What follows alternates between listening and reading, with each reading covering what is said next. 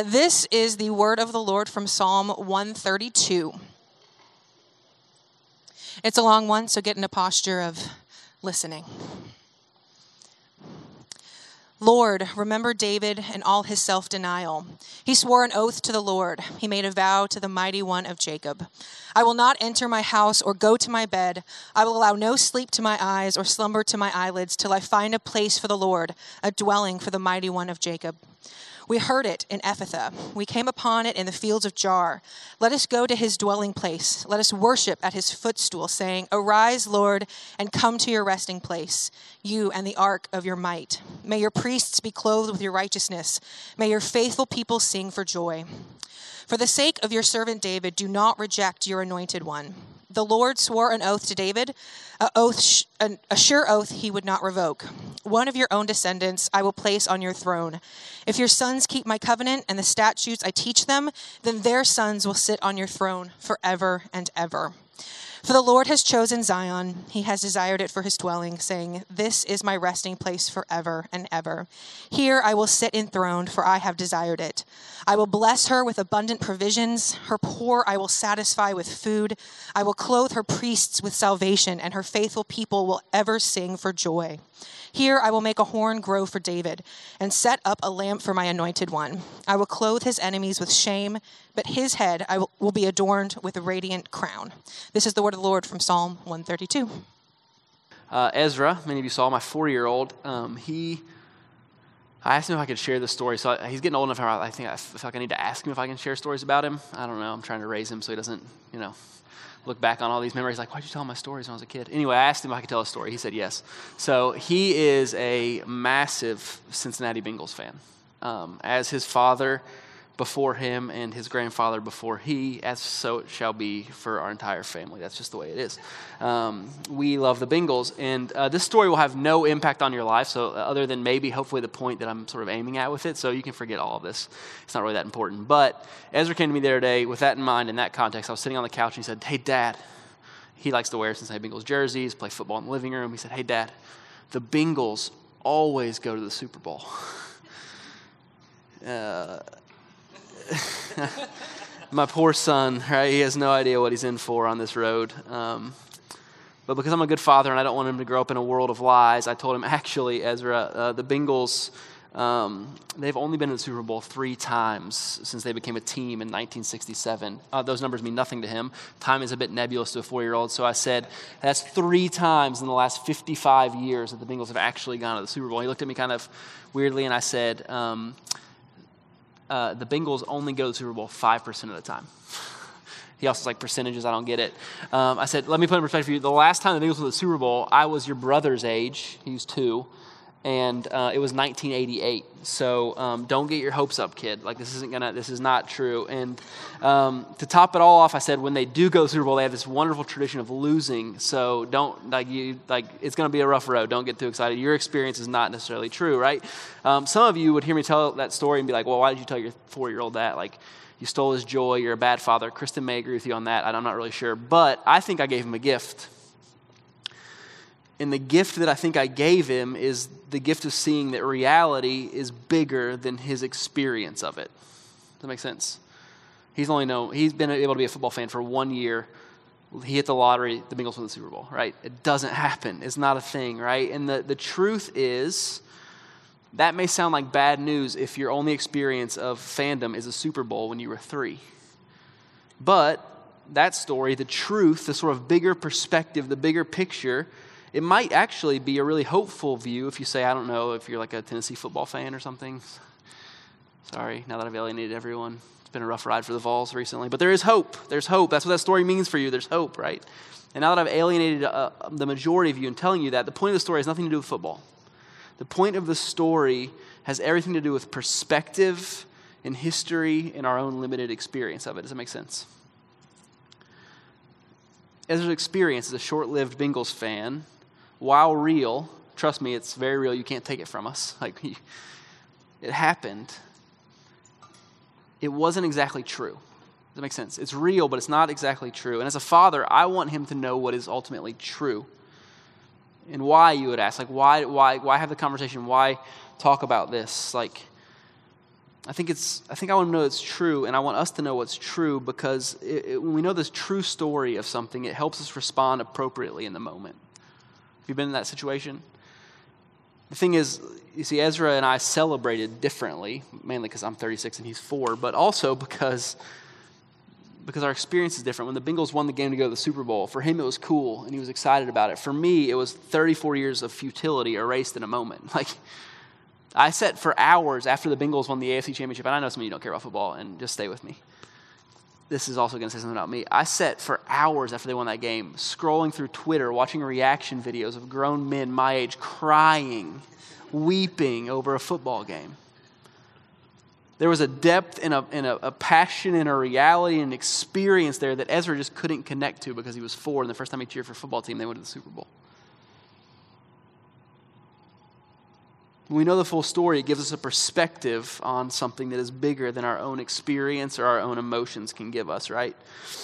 So I told Ezra all of that, and he went away. This is like one of the biggest wins of, of me being a father recently. So um, he came back a couple days later, and he was playing football again. Same situation. I was sitting on the couch. He's wearing his jersey, throwing the football to himself. And he comes back and he said, Hey, Dad, it's really cool that the Bengals played in the Super Bowl. And I said, Yeah, bud, it was really, really cool. And I'm glad they did. You see the perspective shift, right? When you get a little bit of context. And I think Psalm 32 does that in a way more significant, and way bigger, in a way more important way, right?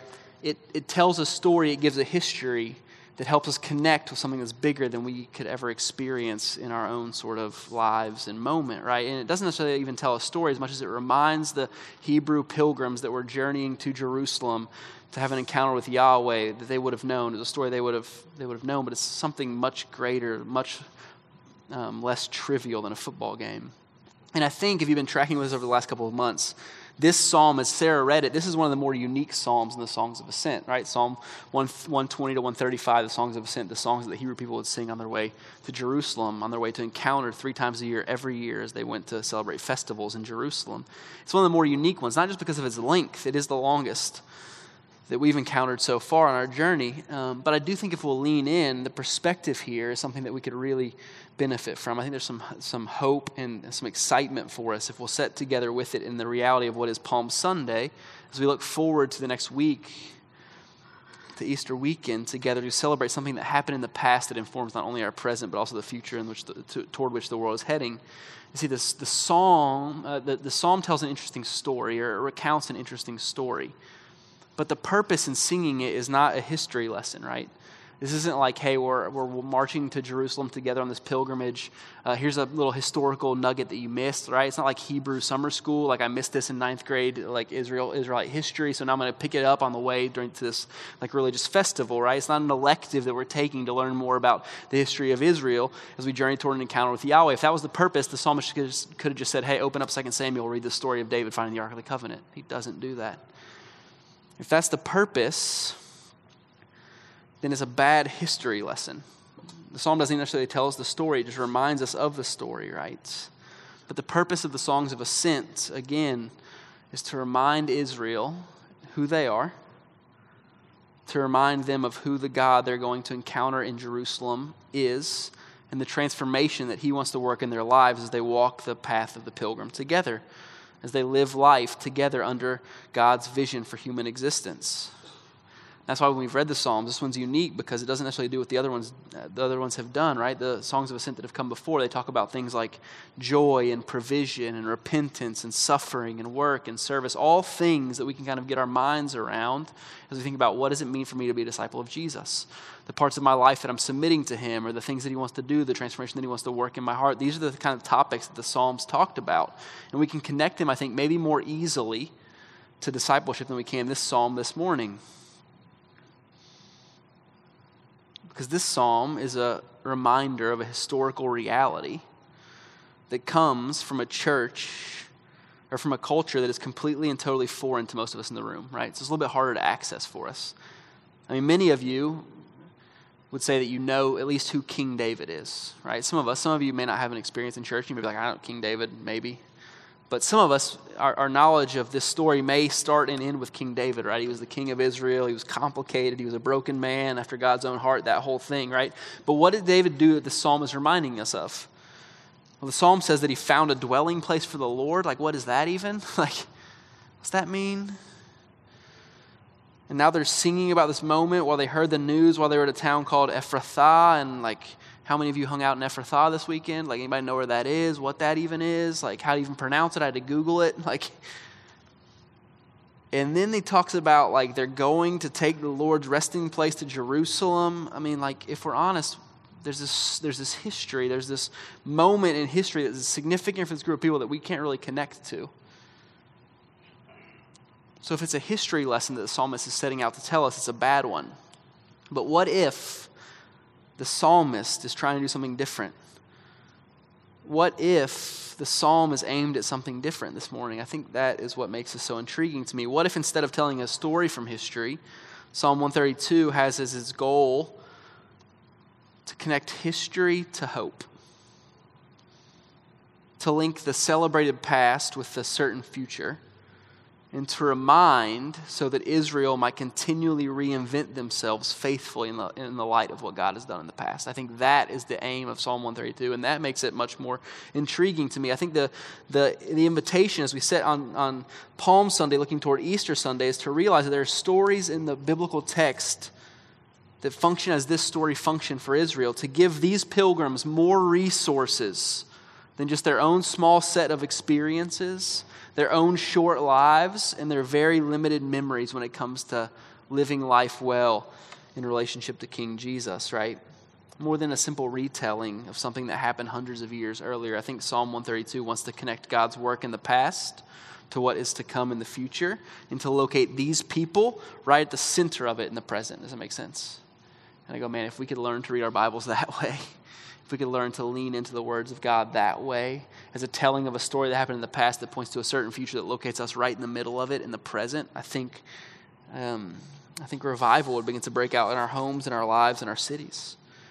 And I think the thing I want us to see this morning is that a crucial part of discipleship to Jesus, one of the most one of the most beautiful invitations that he offers us that we miss out so many times because of our individualistic cultural moment, is to connect our lives to a story of faithfulness in redemption, and love, a story that gives us resources beyond our own narrow set of experiences for understanding and living well in the world. That's why we gather. That's why we read an ancient book. That's why we tell ancient stories. That's why we read liturgies together to be shaped into a picture of what God would do among us, to have resources given to our lives that we don't possess on our own, right?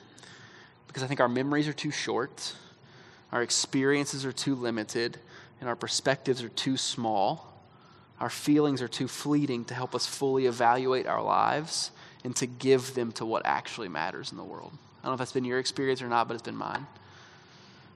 And on the Sunday before Easter, what a better gift to receive than to be reminded, along with the Hebrew pilgrims of old, that all we celebrate this week, it actually happened. And that because it happened, all that God has promised will too. That's the gift I think a psalm like this one can give us in the midst of Holy Week. So, quickly, let's talk about what is the story that the psalm is telling, and why is it important for us this morning to lean into it as people who want to be formed in discipleship as we follow Jesus into life with God.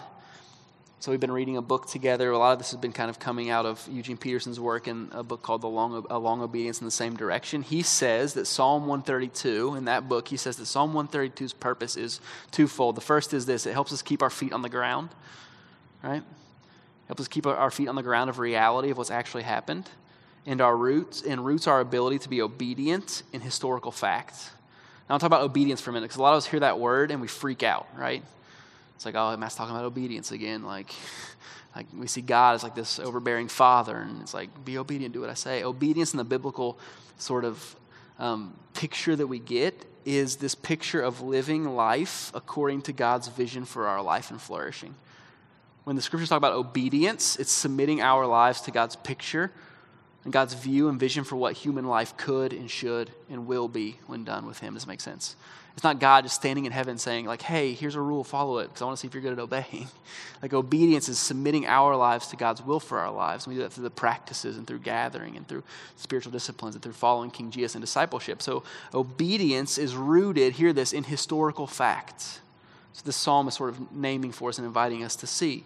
And I think that's a powerful word because I don't know about you, I'll just speak about myself for a minute. The tendency that I feel, that I live into sometimes, for me at least, is to root my obedience not in historical facts, not in God's vision for my life, but in my experience of the moment. In other words, my ability to live into God's vision for my life is highly dependent upon my current circumstances, my mood, my economic situation, my relationship status, my kids' behavior, like you name it. So often, my ability to live into God's vision for my life and the invitation of Jesus to the light, to the easy yoke, to the way of discipleship is, is impacted more by those things than it is by what God has like done historically. Does that make sense? Maybe I'm the only one, right? I think Psalm 132 offers us a better way to live than that. Because remember, this is given to a, people, a group of people who were singing as they walked a journey together, a really long journey, like the OG road trip, right? Was walking uphill to Jerusalem three times a year. And to those people, a, tire, a group tired of walking, a group of people who on the road fought with their spouses, who were angry at their kids, annoyed, sunburnt, hungry, hangry, distracted, shame filled. Like, can you imagine going on a pilgrimage thinking, like, how can I even be on a pilgrimage when I did the night before we left? Like, I think shame is magnified. Try going on a pilgrimage, right? To us, to people like that, it's said, hey, your ability to live in God's vision for your life like God's good invitation to you this morning is not rooted in your experience of the moment, but in history. Like historically. It's rooted in the security of his response historically to those who have chosen obedience to what he said. Maybe the story will help bring it out. So, Psalm 132, it, it, reminds Israel of a moment in their history, a moment from their collective past, a moment in which the Ark of the Covenant, you guys familiar with the Ark of the Covenant? So the Ark of the Covenant was a box, a really fancy box with some really important things in it and on it, given to Israel at their encounter with God on Mount Sinai. And it was the place that represented God's presence among them. They literally carried it everywhere with them, before them. They carry it as they wander through the desert for 40 years with them. They carry it across the Jordan River. It's an amazing story. We talk about it on our fourth birthday as a church, right? They carry it across the Jordan River before the people of God, before the people of God cross. The presence of God crosses, and the Ark of the Covenant stands in the middle of the river as the people cross through. It's the reminder of God's promise and presence and faithful work among them. It travels before the people as they con- as they conquer the promised land. It's been with Israel through every moment, every significant moment of their history from the time they left from the time they left Egypt until they arrive in the promised land. There was no artifact more precious to the people of God than the Ark of the Covenant. And they messed around and lost it in a battle with the Philistines, which is not great. There's a moment in their history, right? The Philistines come upon them. They take the Ark of the Covenant. They defeat Israel because of some sin and other things. They take the Ark of the Covenant with them, the Philistines do, which is bad. It's bad. The Philistines have the Ark of the Covenant for a little while, and they take it back to Israel because the presence of God will not leave them alone. It's kind of an amazing story, right? So they take the Ark of the Covenant, like, we don't want it anymore. They literally drive to the border. They don't drive. They go to the border with Israel. They drop it off in some, like, unknown village. Like, we don't want it anymore. Like, we can't handle the presence of Yahweh among us. It's causing us a lot of problems. Take it back. So it's lost, kind of, because they just drop it, they, like, drive to the border, like, kick it out and, like, go. And so there's this moment in Israel's history where David, they find out the Ark of the Covenant, this like, like important relic of their, of their like past, uh, this, this, symbol of God's presence with them is like lost in some like out of the way like town. And David makes a vow before the Lord. That's what we're reading. David made a vow before the Lord to not go into his house, to not sleep until he gets the Ark of the Covenant and he returns to Jerusalem. And this psalm is the reminder of that moment when David goes and he gets the Ark of the Covenant and he takes it back to Jerusalem. It's this moment, the symbolic moment in the history of Israel that's to deal with the restoration of the unity of Israelite worship, where the presence of God, the thing that held the presence of God, is brought into the temple. And it's a reunification of Israelite worship. It's this massively important moment in their history. It's a symbolic fixing of all of the past disunity and brokenness and bad times. It's a psalm that reminds them of the story when the very ark that had accompanied Israel in her best moments and in her worst moments was rediscovered and put finally in the place it always was meant to be. It's this big moment. And they're singing about it on the way to Jerusalem, on the way to encounter Yahweh in the very place that the Ark of the Covenant was carried to. It's a moment that puts Israel's whole history as a nation in perspective for us. And now we gather with a group of pilgrims around this text, people journeying toward an encounter with God called to remember this particular moment in history. Why? Why this one? Out of all of them, why this one? I think for a lot of reasons, but I think mainly because this song the remembrance of that story of David's oath and his vow and his obedience to live into what God had called him into has the power to revive historical memories. And hear this, and to help those who have never experienced that moment translate it into their own lives. It's reaching into the past and it's saying, here's something that God did in the past. And it's to be brought forward and brought to bear on your life in the present just as it shapes the future reality that we're all walking to. Do you see the, do you see the power of that moment, of that remembering, right? It's the same sort of remembering that we do as we gather around the table of Jesus and take communion together. We're just remembering historical fact. We're participating in something that happened in the past that shapes the future, that locates us in the middle of God's work in the present. You see, they're walking the same paths, Eugene Peterson says, that the ark traveled as it was returned or as it was brought to the temple. It's a reminder to them that as they walk those paths, they aren't the first ones to do so. And that they won't be the last ones to do so either. Peterson says, up these same roads, along these same paths, the ark had been carried, accompanied by a determined and expectant people. Do you hear that? Accompanied by a determined and expectant people. Then he says, obedience has a history. And if we define obedience too narrowly, we miss it, right? Living in God's vision for life has a history, a history in which He has been faithful. And the hard times have come and difficult moments have passed, but He's been faithful. And the ark was brought to the place it was always meant to be out of what seemed like astronomical chances for that to have happened. You see, when the road seems hard to walk for the pilgrims, when the hills seem too steep, when the dangers are too real, it's really helpful to know it's really helpful to know that others have walked here before us and that we can, as they did, make it where we are going. Anybody ever felt that way? Like no one in the history of humanity has gone through what I've gone through. It's not true. It's not true. And as the people of God, like no, no moment in human history has been more difficult to be a Christian. That's not true. Like I'll just tell you, it's not true. It's not. It's not. It doesn't mean it's not hard. Doesn't mean there aren't certain things allied against the kingdom of God. That will always be true. What it, what it means is that he was faithful then, he'll be faithful now, and he will be faithful to bring his kingdom in its fullness one day. That's what we can be sure of in the history of God. It tells us that. So I think the word for us this morning is a simple one, right? I think it's important as we sit here looking at Easter next week together, as we think about the people in our lives who desperately need to encounter the hope of the resurrection that we celebrate on Easter, right? Finding ourselves caught up in God's history helps us respond appropriately in the moment. That's the teaching. That's it. It keeps us from both, hear this, overreacting and underreacting.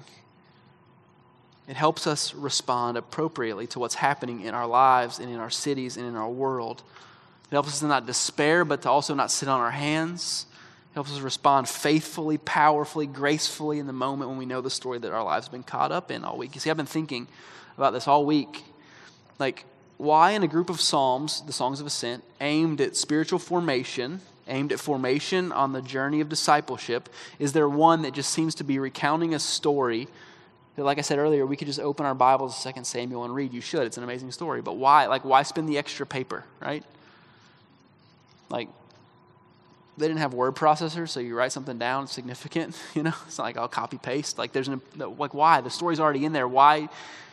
But it's not just a retelling of the story. I think I've realized this week that it's because understanding the history of that story and the history of the story that we are a part of is essential for us to walk well in that story in the present. We have to know it. We're a storied people. We are people shaped by stories. Because here's the thing about human life I think you all this to be true about the way we think and live. It's pretty universal to human experience It's the truth that we learn from our experiences. And none of you are like Matt is a psycho, like he's a genius in psychology because he just I didn't come up with that. Like we, you know it to be true. You you learn from your experiences, right? It's how we learn. It's one of the chief ways that we learn. Some would say the primary way that we learn is through our experiences. You can tell us what's true. We can read in a book and we can experience something. And what do you think I'm going to tell you is truer? The thing that I've experienced, right? We learn from our experiences. So Ezra, again, I asked him permission on this one as well.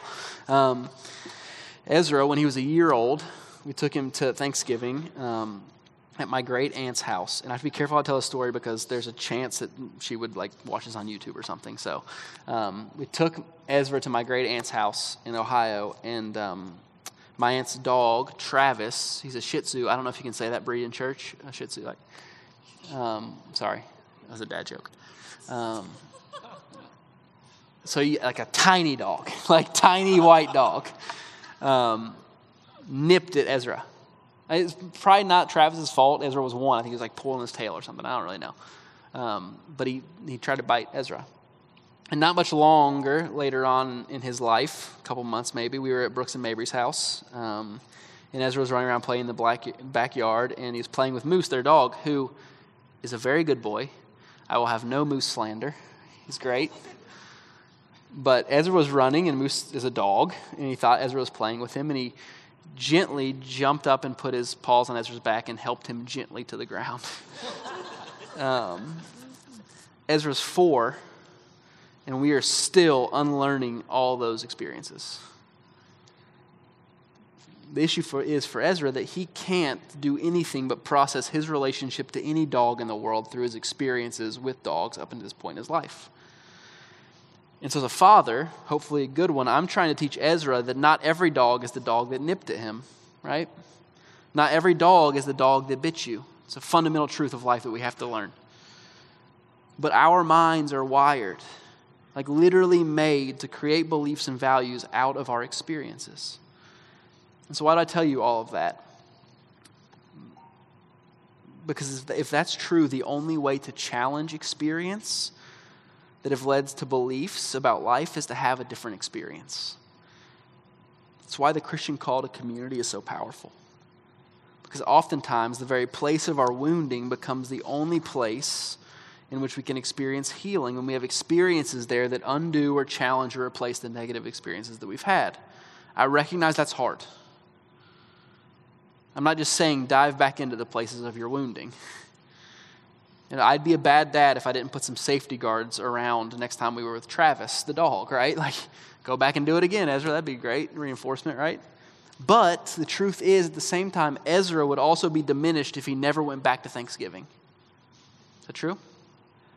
That if he never got to experience that again because there was a dog that bit him one time there, he would be diminished. His life would be less than it could have been. You see what I'm saying with that?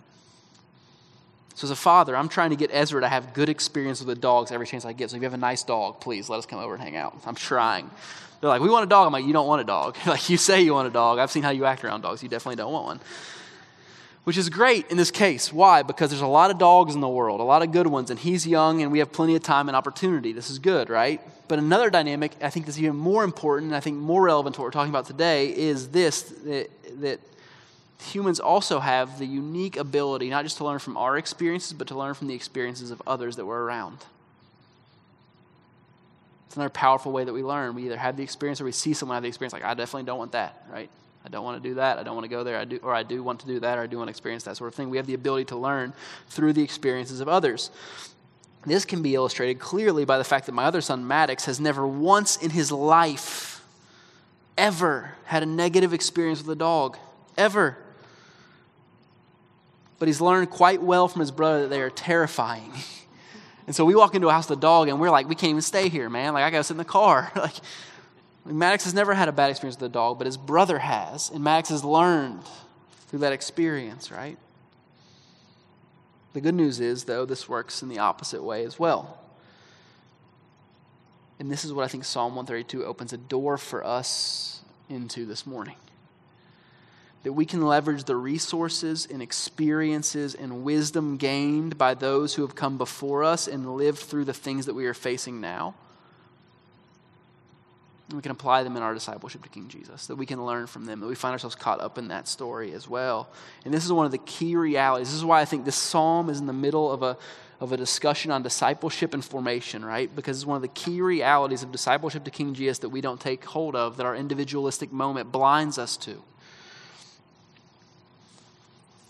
It's robbed us of that ability. You see, this isn't this, it isn't a history book as much as it is a, a book that contains the communal learned wisdom and experience of people who have been doing life with Yahweh for thousands of years. That's why we read this. That's why we don't just gather in an open encyclopedia about, you know, the early temple period, or the second temple period, or ancient Near East. Like we read this book specifically because it is a library of experience of what life with God looks like. That's why we read it. That's why we give it the authority that we do in our lives, because it shows what happens and what doesn't happen when we conform our lives to God's vision for them, and that's biblical obedience. Does that make sense? Here's how Eugene Peterson says it in his book like I've uh, referenced earlier. This is what he says about Psalm 132. I'm just going to put it on the screen and we're going to read it. It's a little bit lengthy, but I think it helps summarize so well, I think, what Psalm 132 is inviting us into this morning. So this is what Eugene Peterson says about Psalm 132. He says, This history, the one we're reading about in Psalm 132, the story of David and the ark, it's, it's, is important, for without it, we are at the mercy of whims he says, memory is, the, is a data bank we use to evaluate our position and make decisions. With a biblical memory, we have 2,000 years of experience from which to make the off the cuff responses that are required each day in the life of faith. And he says this if we are going to live adequately and maturely as the people of God, we need more data to work from than our own experience can give us. And now he starts to preach a little bit. So if you get upset or uncomfortable, it's just Eugene. It's not me. You can take it up with him, and he's with the Lord. So um, good luck. He says, What will we think of the pollster who issued a definitive report on how American people felt about a new television special if we discovered later that he had, he had interviewed only one person who had only seen 10 minutes of the program? We would dismiss the conclusions as frivolous. This is where if you're going to get uncomfortable, here you go. Yet that is exactly the kind of evidence that too many Christians accept as the final truth about many much more important matters. Matters such as answered prayer, God's judgment, Christ's forgiveness, eternal salvation. Take it easy, Eugene. the only person they consult is themselves. And the only experience they evaluate is the most recent 10 minutes. But we need other experiences the community of experience of brothers and sisters in the church, the centuries of experience provided by our biblical ancestors, a Christian who has, who has David in his bones, Jeremiah in his bloodstream, Paul in his fingertips, and Christ in his heart will know how much and how little value to put on his own momentary feelings and the experiences of the past week. Whew.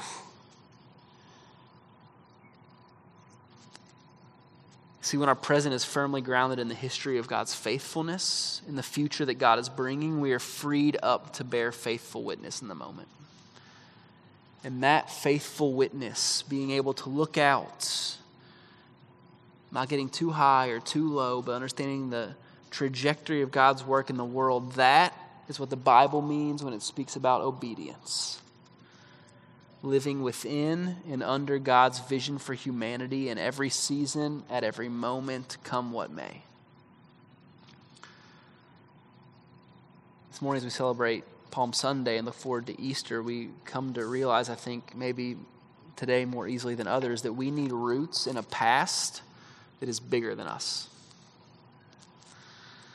We need roots and stories of God's faithfulness and deliverance and healing and restoration that can enable us to stand firm and to believe them even when our experience seems to put his faithfulness and love in question and doubt. We need to be reminded also of where that obedience, where that kind of life takes us, the direction that we're living into, so that we understand his work in our lives. That our lives are ultimately for the purpose of his glory and our joy as we walk faithfully in accordance to what he's done in the past. And so here's the teaching this morning for you. How many of us would affirm the call this morning to follow Jesus into the future of God? Like you're here because you want to give your life to that. You want to affirm the invitation into resurrection life, into the end of all brokenness and pain, into the peace of the Good Shepherd, into the victory of the Lamb, into the end of all oppression and marginalization, into the restoration and redemption of all things. I'm here for that. I think you are too, or else you'd be somewhere else on Sunday morning. Like that that is the That is the future that our lives are being caught up in and that God is bringing and that we're getting, getting to witness and experience even in its even as we wait for the fullness of that. How many of us, even as we've talked about the songs of ascent over the last three months, would have affirmed the call that we found in them to remember who we are, who God is, who we're encountering as we walk the path of discipleship behind King Jesus? As a faithful teacher and guide along the way, we would affirm all of that, but at the end of the day, in spite of all of that, we still feel scared or alone or second guessing Jesus' vision for our lives and our ability to walk in all that He has for us especially when it gets difficult. Like, is it true? Actually, that's the thing. Like, in those moments, when the cultural moment changes and invites us to be obedient to a different story, to a different way of living, you see, all the information in the world, if it stays only as head knowledge, facts on a page, a story that we've only interacted with in order to pass some sort of history test at the end, if it does that, all the information in the world only does a certain amount of good. See, I can tell Ezra all day long that most dogs aren't mean. I can tell him all day long that the Bengals are just one of 32 football teams in the NFL that are sometimes good, not very often. Most of the time, they're not. I can tell him that. But there will come a moment in every moment of life, and even in the moments that we've given to Jesus and discipleship, in which the information will fail us. Doesn't mean it won't be true, but it does mean that it won't be sufficient for what we're walking in. We'll forget it, or our experience will shout that it's not true. And it's precisely in those moments that we need a psalm like this one. I think it's appropriate that it was given to a group of people in the middle of a pilgrimage. It's like, here's all the things we're working on, but here's the story you need to be reminded of, right? Like, in the middle of the transformation, it's helpful to remember like others have been here before, others have gone this way before. This is not the end of your life, though it may seem like it in the moments of danger or difficulty or stress. You see, all of us need to be reminded when the way gets difficult that the very ark of the covenant has been carried on these paths that we walk. That in times that were darker and more difficult than our own, men and women of faith have walked here as well and we need to remember that they were delivered just as we will be delivered to Yahweh Himself for His glory and their joy. We need to remember that, though it hasn't been our experience. It's in those moments that we remind ourselves of God's work in the past so we may step together into His future. And when we don't hear me this morning, if you don't hear anything else, hear this. I think this is true. I believe this is true with all my heart. Then when we don't have the resources, or the wisdom or the hope or any of it, we can borrow it from those who have come before us in the family of faith. Because the truth is that we are part of a people with a rich and a deep and a broad experience of God and His faithfulness. And I think that's true as we celebrate together on Palm Sunday, as we look forward to on Easter Sunday that when Saturday comes, between death and resurrection, we have the story of the people of God who have gone before us that says God will not stay in the tomb. He won't. He won't. So, as we close this morning on Palm Sunday, as we take communion, I just want to name the truth is that, that we take a meal that serves just as this psalm did for the people of God. That we take bread we take a cup and we do it in remembrance of Jesus so that we might confront the lies of the moment with the truth of God's work in the past. When it feels like death has won, or brokenness has won, or injustice has won, or war has won, or oppression has won, we take this meal to remember that it hasn't.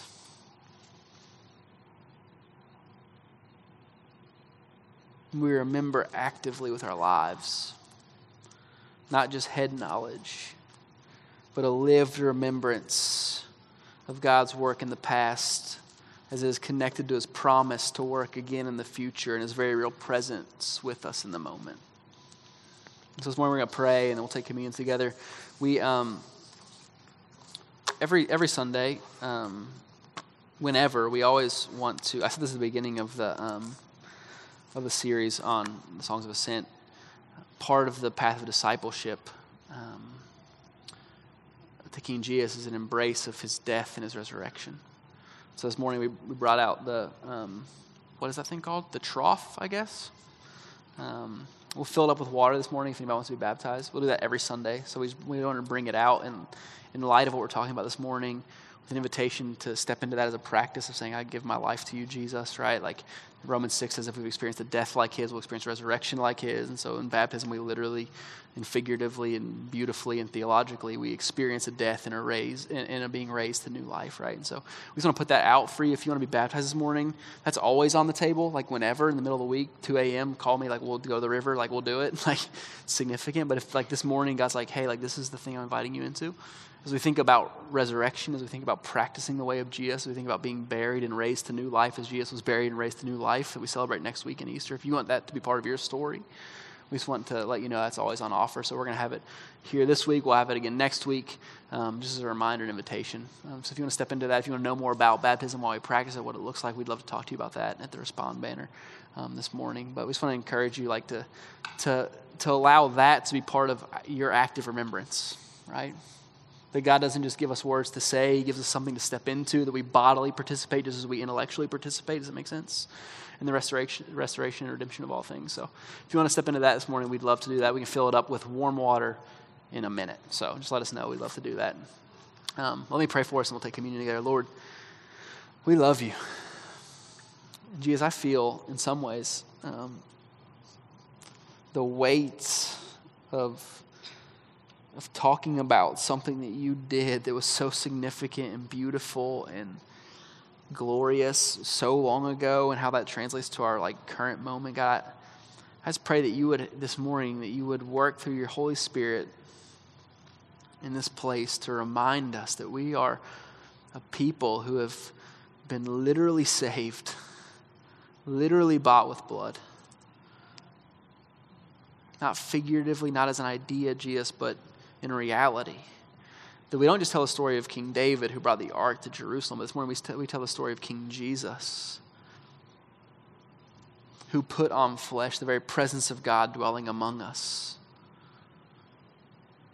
who lived as you intend all of us to live free and full of faith, caught up in your mission, Jesus, of bringing heaven to earth, and that you died and that you lived again on the other side of death. We celebrate that this morning, not as a beautiful picture, a helpful allegory, but as historical fact. And then when it feels like we are dying, you remind us that all who are in you, Jesus, will be brought to resurrection life. Then when we feel, we feel powerless, God, your word reminds us the very same power that was at work in, in your resurrection, King Jesus, is alive and at work in us the Holy Spirit of God is at work bringing dead things to life. As this morning, Father, I would pray that you would do that. That you remind us of your faithfulness in the past. You would sit with us in the present. You would call us into your beautiful future. This morning, Jesus, we thank you for your body that was broken, for your blood that was shed, for the hope that you give us. Yeah, we love you. In your name we pray. Amen.